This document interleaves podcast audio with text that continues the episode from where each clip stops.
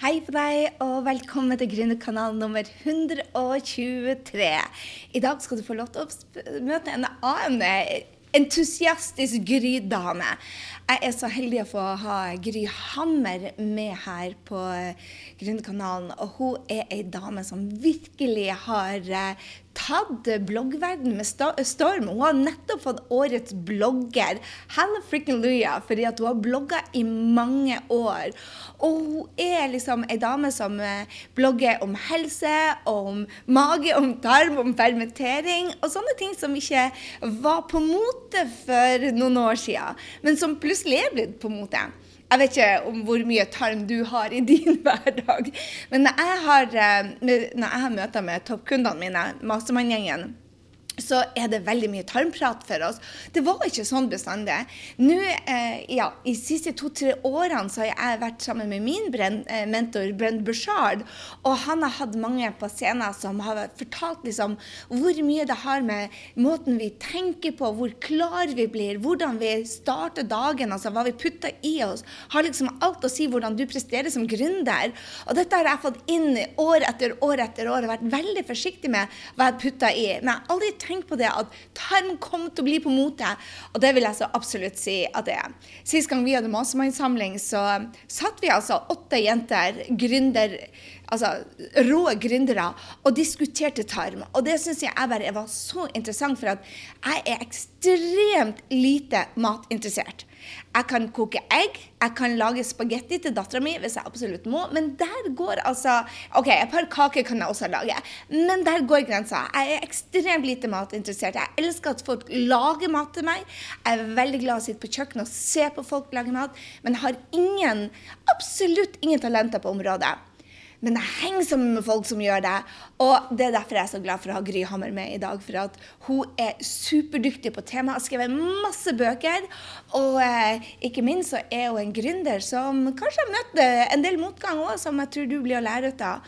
Og jeg vil så gjerne at du skal inspirere til å ta det neste steget. Så lytt til hennes utfordringer, lytt til hennes oppturer. Lytt til denne dama som har en ekstrem erfaring innen bloggverdenen. Altså, hun er en av de som jeg vet som har holdt på lengst. Og folk har mening om henne. Og jeg gleder meg til å høre hvordan hun takler det. For det er noe av det beste jeg har hørt på en stund. Så eh, ta godt i vel imot Gry Hammer, som er foredragsholder, årets blogger. Hun er skribent, forfatter. Eh, ja, har jeg sagt blogger en gang til? Eh, for å, guri malla, jeg må starte på nytt igjen. Foredragsholder, hun har online-kurs, hun er forfatter, og hun er altså årets blogger. Oh my god, gled deg til denne episoden av Gründerkanalen. Og ikke glem å dele med meg hva du tar med deg og jeg blir så glad hvis du husker å rate oss. Jeg må bare fortelle hva Karine Einan skrev til oss. Gleder meg til ukas podkast. Du har en, uh, en podkast full av læring og inspirasjon. Bilkjøring har aldri vært kjedelig uten episodene dine på øret. Anbefales, sier Karine Einan. Og jeg bare sender en stor klem til deg. Tusen takk skal du ha, Karine. Dette er sånn som gjør dagene mine. Jeg er så glad. Og vet du hva? Jeg tror denne episoden vil også at du skal gå tilbake til episode 119. 119 det kan koste deg dyrt å spørre feile personer. For vær klar over, hvis du er en gründer som skal tjene penger, lytt til andre som gjør det du gjør, eller har gjort det du gjør. Det er så utrolig viktig. Og det var den podkasten Karina skulle lytte til. 119. Hvem lytter til det? Jeg tror det er noe som jeg tar med meg både fra eh, den treninga jeg hadde hos Brenn Bashar de siste ukene, fra Celine Soo-eventene, for når jeg lytter til andre Hvis du lytter til folk som ikke gjør det du Hvis du lytter til råd fra folk som bare snakker og ikke har gjort det du skal gjøre, så vær klar over det at det er ikke en smart strategi. Velg deg mentorer, velg deg coacher, velg deg å ta råd for de som har gjort det du, som har erfaring på å gjøre det, sånn at du slipper å gå i noen feller du også. Men det så sier jeg, ta godt imot Gry Hammer. Send henne litt love inn på grysynding.no slash 123. Der finner du alt du trenger å vite for å finne hennes guider, for å finne hennes blogg, for å se den topploggen i Norge, så går du altså til grysynding.no slash 123, og så finner du fantastiske Gry Hammer. OK, nå skal du få hennes erfaringer. Hei sann, Gry, da er vi live. Tusen hjertelig takk for at du kunne stille opp og være med på Gründerkanalen i dag. Hei, Gry, og takk for at du ville ha meg med. Yeah. Du Fortell litt om deg. Jeg vet at du er forfatter og blogger, og årets blogger til og med. Og ja, du foredragsholder, og du jobber fullt og helt med mat. Hvordan er det mulig, og hvordan endte du opp her? Eh, det endte det, det, er jo en lang reise, og det handler jo egentlig først og fremst om at jeg ikke Når jeg fikk barn nummer tre, som hadde en alvorlig medfødt hjertefeil, så kunne ikke jeg jobbe sånn som vanlige folk gjør. Så eh, etter da et par år hjemme i full omsorgsrolle, så begynte da denne her eh, kreative sjela mi å lengte etter å skape og få til ting. Og, og da ja, har det egentlig balla på seg. Og, og, jeg eh, er jo også utdanna yogalærer og nå tankefeltterapeut, så jeg driver med litt mer enn mat. da. Uh, men, uh, men, det har vært et veldig fokus på det her med maten. Rett og slett fordi at uh, jeg har hatt et veldig sykt barn. Jeg har et veldig sykt barn, og jeg har hatt ei dårlig helse sjøl. Og føler og opplever at den jakta jeg har hatt på nærende og ren og god mat, har gjort oss veldig godt hele familien, egentlig. Og så ser jeg at det også er veldig bra for leserne mine. Så hvordan, man, hvordan blir man egentlig en blogger eller forfatter? Hvor, hvor, hvor starter man henne? Hvor var det du, hva var det første steget Gry Hammer tok til å bli um, ja, du har hatt en fantastisk karriere. Jeg har fulgt deg eh, Mona Norøy, jeg har vært med opp til Finnmark med deg og laget bok. Og, ja, du, du, er liksom all over sosiale medier. Så hva er det som gjorde det? Hva var det første steget du tok for å, den nye karrieren? I forhold til sosiale medier, den første boka jeg skrev, skrev jeg i 2007, som kom ut på Selja forlag. Men eh, blogging det begynte vel med i 2011, etter at eh, kusina mi, som da er utdanna innen fashion, fashion, og marketing og, og, branding i London og overalt. Og jeg satt jo hjemme da og prata om denne maten og styrte med denne maten. Så du må begynne å blogge. Du må begynne å blogge eh, og få dette her ut. Og jeg syns jo det at det var kanskje ikke helt det. Jeg ville jo bli en skjønnlitterær forfatter og ikke en blogger. Det var jo det som var min drøm. og Det kan hende den ligger der ennå, skal jeg være ærlig. Men uh, det er en tid for alt. Og blogginga gjorde at det ble en slags eh, matdagbok for meg. Uh, jeg fikk ut det kreative potensialet mitt gjennom maten og gjennom den lille bloggskrivinga. Og delte den reisen. Og det var begynnelsen. Og etter hvert så var det jo Det har egentlig bare utvikla seg organisk, føler jeg. Ifra at jeg uh, Uh, ja, det var også ungkusina mi som mente at jeg da skulle, skulle lage e-bøker, og at de burde også oversettes til engelsk-amerikansk, siden vi har så mange, mange av våre slektninger egentlig borte, borte der du er, ja. som lengter etter røttene sine her borte. Så var, vi hadde mange planer som egentlig hun initierte, da, der hun skulle oversette dem, for hun er tospråklig. Hun skulle ha My Nordic Pantry, som er en blogg som jeg, en hjemmeside som jeg også har, men den blir ikke drifta per i dag. For jeg forstår jo at hun som har sitt kreative potensial, ikke syns det var morsomt å bare sitte og oversette mitt og jobbe for meg. Hun har jo så store, store ting å dele med verden sjøl. Yeah. Så der ligger det, hvis det er noen der ute som har lyst til å ta, ta den ballen, så ligger den der. Der er masse potensielt gull i den, men jeg klarer det ikke. Nei. Så hva er det du elsker best med jobben? For du, du har jo du har online-kurs, du har bøker, du har foredrag. Hva er det du tenker er det beste med å være selvstendig næringsdrivende eller gründer? Kaller du deg selvstendig næringsdrivende eller gründer, by the way? Jeg kaller meg selv for selvstendig næringsdrivende. Eh, for meg er det å være en gründer det er et ord som som er nytt for meg. Egentlig så hørte jeg om det først gjennom deg og mitt samarbeid med Ellen Cecilie i Rein styrke. Så for meg er ikke det et integrert ord. Eh, men jeg har jo vært selvstendig næringsdrivende siden 2005 og holdt masse yogakurs og, og um, vært selvstendig, da. Eller selvstendig, det går ikke an å si, for jeg hadde ikke kunnet gjort det jeg har gjort hvis ikke jeg hadde hadde vært gift med mannen min. Da måtte jeg ha gått en annen vei. Så han har jo også gjort at jeg kan, kan få lov å, å, gjøre det som er godt for meg. Ellers så hadde jeg nok jobba på et bibliotek eller på, ja, en jobb. Jeg ser det bare, jeg ser ikke det. Nei, ikke sant. Og jeg har jo prøvd det å være saksbehandler i offentlig sektor, og da holdt jo jeg på å visne på rot. Så det å få lov å være selvstendig og, og For meg er det også viktig å utvikle meg. Og det sier også mannen min, at det du gjør i dag, er ikke det du gjør neste år eller neste år. Fordi det er alltid noe nytt. Jeg er nødt til å utvikle meg, jeg er nødt til å vokse. Jeg drages alltid mot det. Det kommer alltid noe nytt sidelengs som jeg ikke har hadde forventa. Så, så, det er alltid noe nytt, og det må jeg ha med meg i mitt virke. Ellers så begynner jeg å kjede meg, og det er veldig viktig for meg å ha det morsomt. Jeg har ikke inspirasjon til å gjøre noe som helst hvis jeg ikke syns det er meningsfylt eller morsomt. Hva du syns er morsomt akkurat i denne perioden?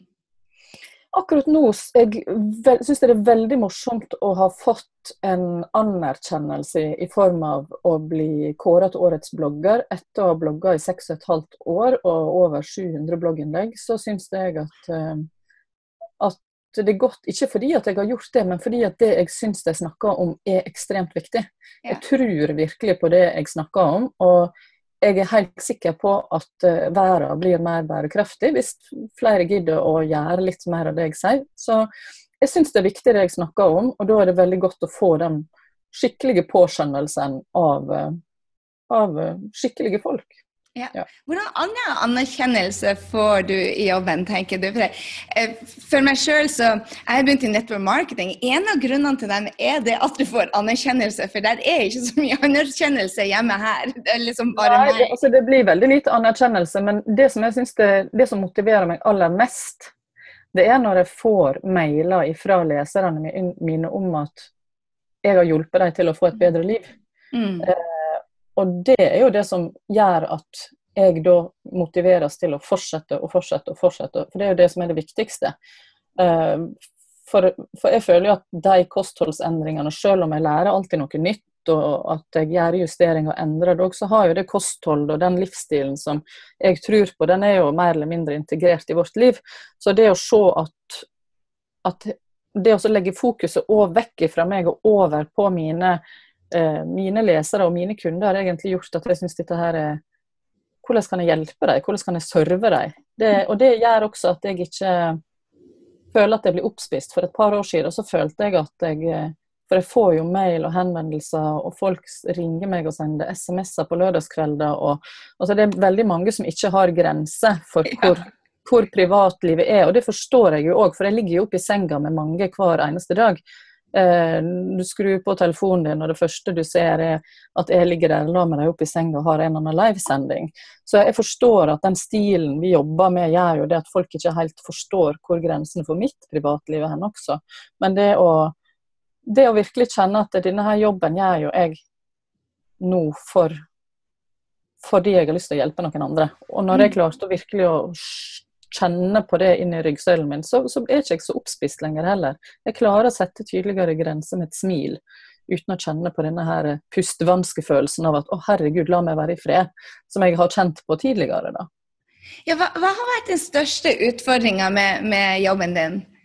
Det, det, er det, å, det er kanskje det å sette, sette grenser, men like masse overfor meg sjøl. Fordi at jeg, jeg har jo fire unger og en mann som er vekke fra seks til seks nærmest hver dag. Og jeg er mye hjemme, jeg holder fort oppe. og um, det for meg sjøl å forstå at jeg kan ikke sitte og være Jeg vil ikke være hun mora som sitter med den telefonen i handa, sånn Tårnfrid eh, Otto Jespersen-mamma. Det, det, har ikke jeg lyst til å være. Og jeg er jo kanskje litt tårnfrid rett før et online-kurs når jeg er midt i en kampanje, men da kan jeg på en måte si til min familie at nå kommer jeg til å være veldig påskrudd på det her i kanskje en to-tre dager. Eh, men ellers er jeg jo hjertelig til stede. Så, så, det med grensesetting er også at jeg må skape rutine i min hverdag, sånn at ikke jeg blir sittende. For med en gang du roter deg inn på Facebook, så, så velter jo alle som har tagga deg innover. altså du, du, må bare være veldig tydelig på å sette grenser, ellers så kaster jeg vekk energien min. Og da klarer ikke jeg å gjøre det jeg vil, å skape og være den gode hjelpa for andre. Så det som jeg har måttet gjøre, som jeg syns var vanskelig, men som jeg ser er riktig, det er at jeg kan ikke drive med så masse én-til-én-kommunikasjon lenger. Eh, jeg er nødt til å skape strukturer og former på det jeg gjør, sånn at jeg kan hjelpe flere på mm. samme tid. Og lage spesifikke grupper som har for seg spesifikke tema, sånn at alle For det er mange som lurer på det samme. Ja. Ikke sant? Ja. Så når um, du har fire barn, du skulle jo hatt uh, fredsprisen for det. det er jo Jeg syns det er utfordrende. Ja, men det er utfordrende med to. Jeg har også hatt to, så det vet jeg. Det er utfordrende med én òg, så det eneste er at jeg tror ikke at samfunnet vårt er helt bygd opp rundt det å skulle ha fire barn i dag. Um, nå er ikke det sånn at vi får masse unger fordi at de skal hjelpe til på gården, sånn at alt går rundt. Skal alle bli filmstjerner og ballettdansere, og på opptak i audition i Sølvguttene, og alle skal bli verdensmestere. Sånn at uh, vi er jo Det er mye mer det, det, er, en, det er en, virkelig en oppgave som, som tar tid. Det å ha mm. så mange Mm. Så hvordan håndterer du det når du da har en business som krever sitt, og har barn på samme? For det er noen som tror at det ikke er mulig å få liksom den balansen i livet. Tror du på balanse, og har du funnet den sjøl? Jeg tror at hele livet mitt handler om å Jeg tror, tror at mennesket jakter på balansen hele tida. Både kroppen og sjela og alt jobber etter den balansen. Uh, og Av og til så må du kanskje gå litt hardt til verks for å få en balanse. Og For meg har jo motivasjonen med det å være selvstendig næringsdrivende eller gründer, om du vil, det har vært å nettopp bli selvstendig. Jeg levde, med, levde som enebarn med ei alene mamma.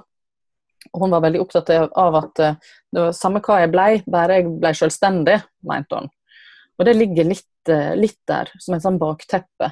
Så selv om jeg sier at uh, jeg kunne det jeg, jeg, kan, jeg, kunne nok ikke ha gjort det her uten at jeg hadde vært gift og at mannen min tjente en normal, god årslønn. Men Men ja Hva skal jeg si? Mista mitt eget, mitt eget resonnement. Kan du klippe? det, det, er så herlig når det går litt skeis. Men tenker du det at balanse er viktig for deg? Ja, det er kjempeviktig. Det er jo derfor jeg er yoga, utdanna meg som yogalærer og brukt det hele mitt voksne liv. Det er kjempeviktig. Um, for jeg har, sterk, jeg har, en veldig sterk drivkraft. Og den kan ofte dra meg så langt at jeg ikke kjenner etter hva som er, som er det rette for meg, kanskje. Ja. Og det å ha teknikker og metoder som holder meg i vater, det er veldig viktig. Mm. Det er det. Og det å jobbe etter et balanseprinsipp, det, det, tror jeg er nyttig for alle, men jeg mener også at av og til må du dra strikken langt for å nettopp få balanse. Eh, og det krever litt energi. Mm. Du er jo i media også, og det har jo storma innimellom med meninger og sånn. Hvordan takler du det? Når, når, eh. folk kanskje putter meninger som du ikke har på deg. Men det gjør jo vi alle hele tida. Eh, det gjør ungene mine også, det overfor meg hele tida. Så for meg har det vært veldig nyttig å forstå at alle lever um, og, har, lever i sin egen virkelighet. Alle har sin egen sin film, sin egen 'You are the dreamer of your dream'. Uh, og det samme er jo med Du kan si at uh, jeg kan dra det på mikro, jeg kan dra det på makronivå. Jeg har fire unger. Ehm, jeg vet at to av mine unger syns at jeg er en kjempegod mor, og jeg vet at en av mine unger aldri kan få noe av meg. Så selv om de vokser opp i samme heimen med samme mora og samme faren og, og samme verdiene, så kan de ha fire forskjellige oppfatninger av hva slags mor de har hatt, og jeg er samme menneske. Og Det samme gjelder med mine følgere. Noen syns at jeg er sexy, noen syns jeg ser ut som ei eh, mor. Og noen syns at jeg er stygg, og noen syns jeg er fin, og noen syns jeg har lang nese og for store nesebor, og noen syns at jeg er helt vidunderlig. Og dette der må en bare lære seg å leve med. Og hvis jeg, hvis jeg vil være den posisjonen som jeg er i nå, eh, så må jeg tåle det. Jeg må tåle at folk har meninger om meg. Så mange av mine kunder de, de syns det er veldig skummelt, rett og slett. Eh, og når de ser jeg står i stormen, så tenker de det vil ikke jeg. Så, så de blir nesten redd den, den, opplevelsen at folk har så mye meninger. Men du ser ut til å håndtere det veldig bra. Hva, hvilket råd vil du gi til de som syns dette er veldig skummelt, og få liksom privaten deres ikke, om ikke hengt ut, så at folk har meninger om hvordan hvordan de eh, er, selv om de ikke kjenner dem? Det handler jo om en sjølkjensle som ligger der i ryggsøylen. så eh, Enten så må man gå i gang med mengdetrening, sånn at en over tid har gjort det samme nok ganger til at en blir eh, immun. Eller så må en gå grundigere til verks inn i sin egen, eh, sine, sitt eget hjerte og sin egen sjel og finne ut hvem er jeg, hva er det jeg står for, hva er mine verdier. Og så navigerer du etter de verdiene. Og så lenge det er det som er riktig for deg, så er ikke det så veldig nøye hva Johanna Andersen mener om øredobbene dine, eller den nye hårfargen din, eller de nye brillene dine. Det er helt irrelevant, så lenge du vet hva du vil. Eh, men det spørs hva du vil. Hva er det som er intensjonen din? Altså, jeg føler jo at jeg har et budskap som er mye viktigere enn hud og hår og negler. Så om jeg står ute i åkeren og snakker om det, eller om jeg står på ei scene med ballkjole, så har ikke det så mye å si. For det er budskapet mitt som er viktig, og ikke meg. Utrolig bra sagt. Ja, det, det, handler om å finne eh, Jeg sier jo det at når det kommer eh, når, når, jeg er nede personlig, så kan det virke så, så, blir man nærtagende mye mer. Mens når man er sterk selv, så preller det meste av. Så det er jo ofte hvor man ja, ja, en må være bevisst på sine Jeg også er jo et veldig følsomt menneske. Så det er jo ikke sånn at eh, jeg ikke registrerer at det blåser rundt ørene på meg. Men eh, jeg ligger ikke i senga lenger og blir kjempelei meg sånn som jeg ble for fire-fem år siden. Og kjente at bare energien datt ut av kroppen min. Og, mm. og det var jo voldsom, voldsom hets en periode. og første runde så var jo jeg helt sånn Herregud, hva, hva, er det her for noe? I mm. himmelens navn, hvem er det de snakker om? Er det meg? Er jeg sånn? Jeg måtte spørre mannen min og venninnene mine og mor mi. Har har jeg noen av disse personkarakteristikkene som, som, jeg blir beskylda for å ha? For jeg ble jo helt satt ut. og og måtte ha den bekreftelsen da, som du snakka om fra mine omgivelser. Det trenger ikke lenger. Nå vet jeg hvem jeg er og hva jeg vil. og så får nå det bare sitte der og mene. ja, ja. så herlig. det, men det, er få, det, er, ja, men det er kjekt å få vite at noen syns at jeg fortjener å bli årets blogger. så det er jo ikke sånn at, Men det betyr, jeg tror den påskjønnelsen hadde vippa meg mer opp enn nå. Jeg føler at Nå sitter jeg og peiver med hendene her, det er jo ingen som ser det. jo, det gjør de faktisk. Ja, gjør de? Ja, de gjør det. Ser de meg? Ja. Å, kjære vene, jeg har også og sett et glass Ikke akkurat nå, men når jeg legger det ut, så ser de deg. Klødd meg i nesa, og kjære vene. Nei, du har ikke gjort det. Du er så ja, nei, men da vet jeg det, at jeg blir sett. Ja, akkurat. Jeg er ikke, jeg er ikke helt immun. Så eh, Du har datt helt ut nå. så overraska. Ja, du fikk ikke den mailen jeg sendte? Sannsynligvis i spam-filteret ditt. Akkurat. Og Nei, jeg visste ikke ja, ja, ja, ja. Du er så vakker. Jeg har ikke BH på meg heller. for det mener jeg at det... Er ikke det, det en av, ikke det, det en av de herlige tingene med å være gründer? At du faktisk jo, jo, jo. Jeg må jo vise deg da. Jeg har tatt på meg skjorte, men så har jeg pysjen på meg. Den er så, så herlig. Jeg har ligget i senga til nå og bare Å, så deilig. I dag så skal jeg ta en rolig dag. ja, ikke sant. Nei, men så er det faktisk hun ene døtra mi at uh, en gang kommer jeg aldri til å glemme. Og det er liksom bakteppet med å, å jobbe hjemme.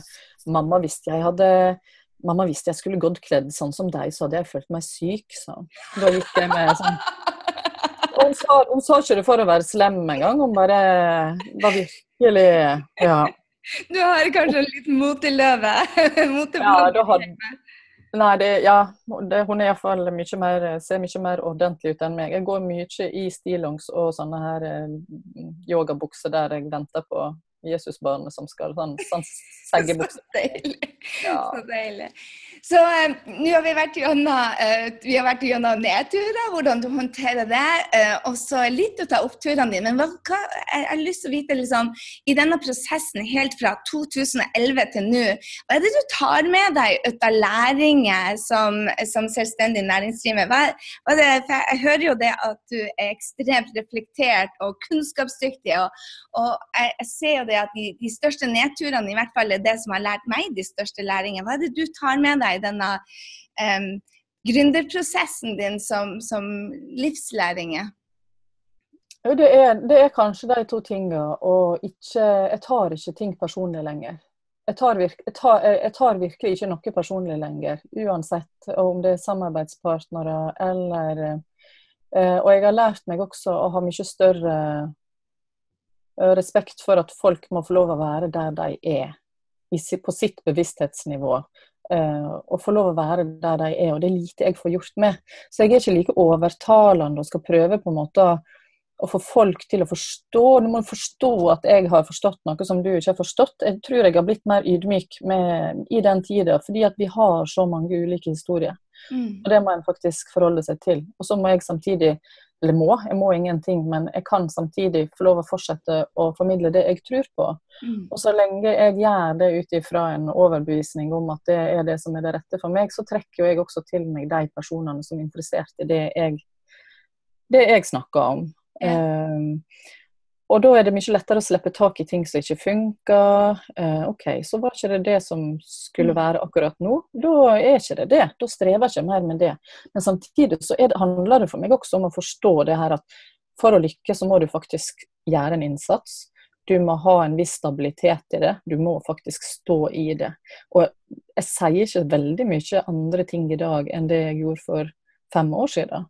Og et veldig sånn, kanskje litt trøstende moment er jo at når jeg i 2000 Jeg har jo gitt ut flere bøker på eget forlag, og det var jo på initiativ mitt, altså, fordi at forlaget hadde ikke lyst til å gi ut bøkene mine.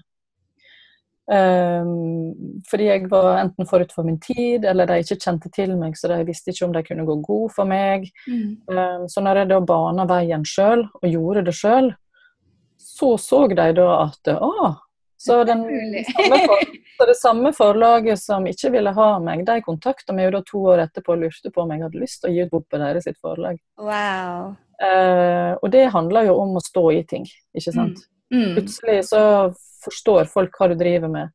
Og det gjelder jo også for så vidt den påskjønnelsen som kom nå av personligheter innenfor den fagfeltet som jeg beveger meg inn i, som, som har en viss autoritet, som da anerkjenner at jo, nå nå syns vi at det er på tide å løfte deg fram og gi deg de karakteristikkene som jeg kanskje skulle ønske at folk så i 2011, ja. men som jeg kanskje ikke har sett før nå. Mm. Mm. Hvordan er det, hvordan opplever du bransjen din, eh, og da mener jeg eh, tarmbransjen, hvis jeg får lov til å kalle det det.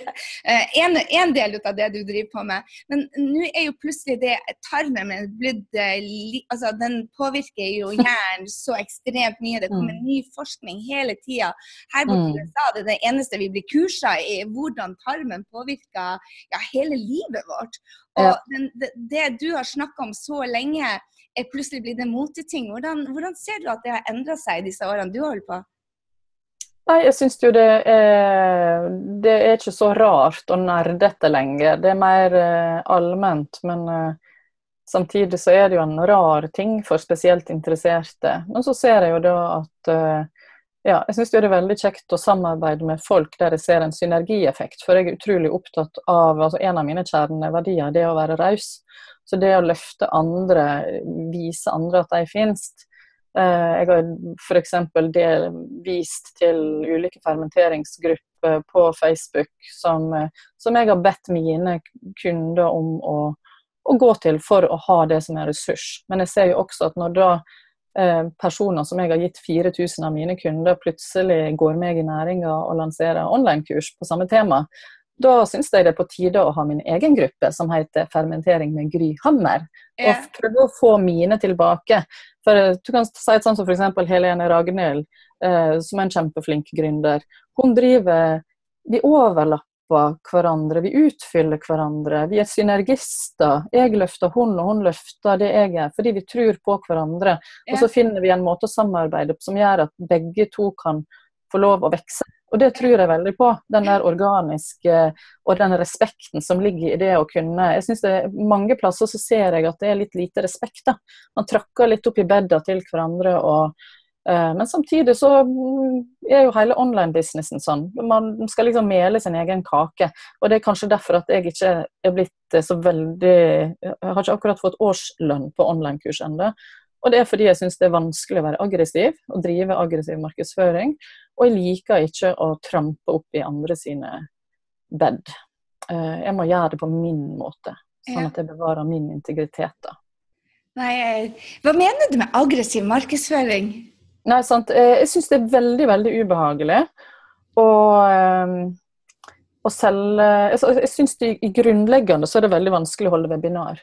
Å vite ah. at jeg har en struktur, en form på det jeg skal dele, og så skal jeg da be om noe tilbake igjen til slutt.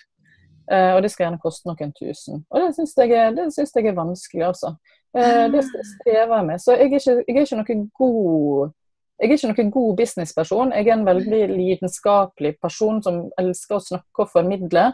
Men det har jeg forstått, at for at jeg skal lykkes, så er jeg nødt til å jobbe med folk som kan det jeg ikke kan. Og jeg har jo jobba masse med Ingelin Aabø, branding lady, det siste halve året.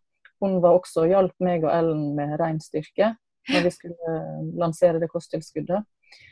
og hun, jeg ser jo at når hun tar i mine tekster, så blir det jo noe helt mye mer inspirerende, mm. mye mer salgbart enn mm. når jeg skal sitte og skrive det sjøl ut ifra min. Fordi at jeg ja, Det er ikke det at jeg ikke føler at kunnskapen min ikke er verdifull, men jeg føler også at jeg skal hjelpe folk som kanskje er så syke at de ikke kan jobbe.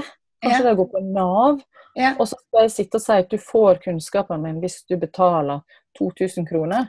Og så forstår jeg ikke da helt det at jeg må også ha en inntekt. Ja, ja for du, du skjønner jo det når du tenker på en genser. Selv om du mm. fryser, så tenker du det at jeg får ikke den varmeste jakken hvis jeg ikke betaler for det. Mm. Så det skjønner folk, men med kunnskap så, så Ja, det er det, kanskje det mest krevende for meg i den bransjen her, det er å forstå og, og sette en verdi på det jeg gir. Mm, yeah. og, og, og ja, jeg husker det var ei som kom på eh, holdt et foredrag inn i Oslo. Og så sto jeg og hadde sånn boksig, eller satt og signerte bøker og solgte bøker etterpå. Da kom hun bort og sa til meg det at, at, um, at hun syntes at det ene online-kurset mitt, jeg solgte det for 2000, at det var veldig dyrt. Men etter at hun hadde tatt det, så eh, så hun hvor verdifullt det var. Så nå syns syntes ikke om det var dyrt lenger. Nei. Men eh, da, det handler litt også om at da må en tåle å stå i det. At noen syns at herlighet, hvor dyrt det der var. da. Hun der eh, mm. konkurrenten din, hun, hun har jo online-kurs for 399, ja. og da kjøper jeg jo heller der. Så må jeg si at jeg legger jo sjela mi i det jeg gjør. Jeg sitter jo og følger dem opp daglig i lukka mm. Facebook-grupper og har livesendinger hver uke, så jeg legger jo, legger jo virkelig engasjementet mitt i å følge opp. Så det er mer en sånn mental sperre for deg, ja. egentlig? Ja. ja for jeg ser jo det i Norge, f.eks. En mastermind koster kanskje 100 000-200 000 kroner. Det samme som i USA koster tigangen.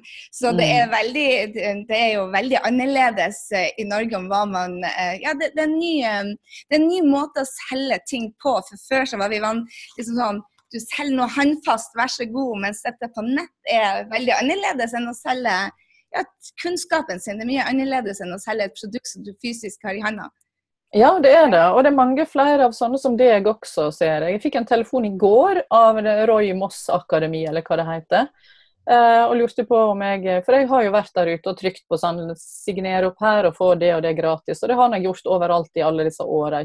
For å for å se. Og så har jeg selvfølgelig også betalt for hjelp, sånn som jeg har gjort med Ingelin Aabø og gjort et sånn profesjonelt opplegg rundt det. Men da har de jo meg i loopen, så da ringte de meg i går. da, Muligens fordi jeg var blitt årets blogger, det vet ikke jeg.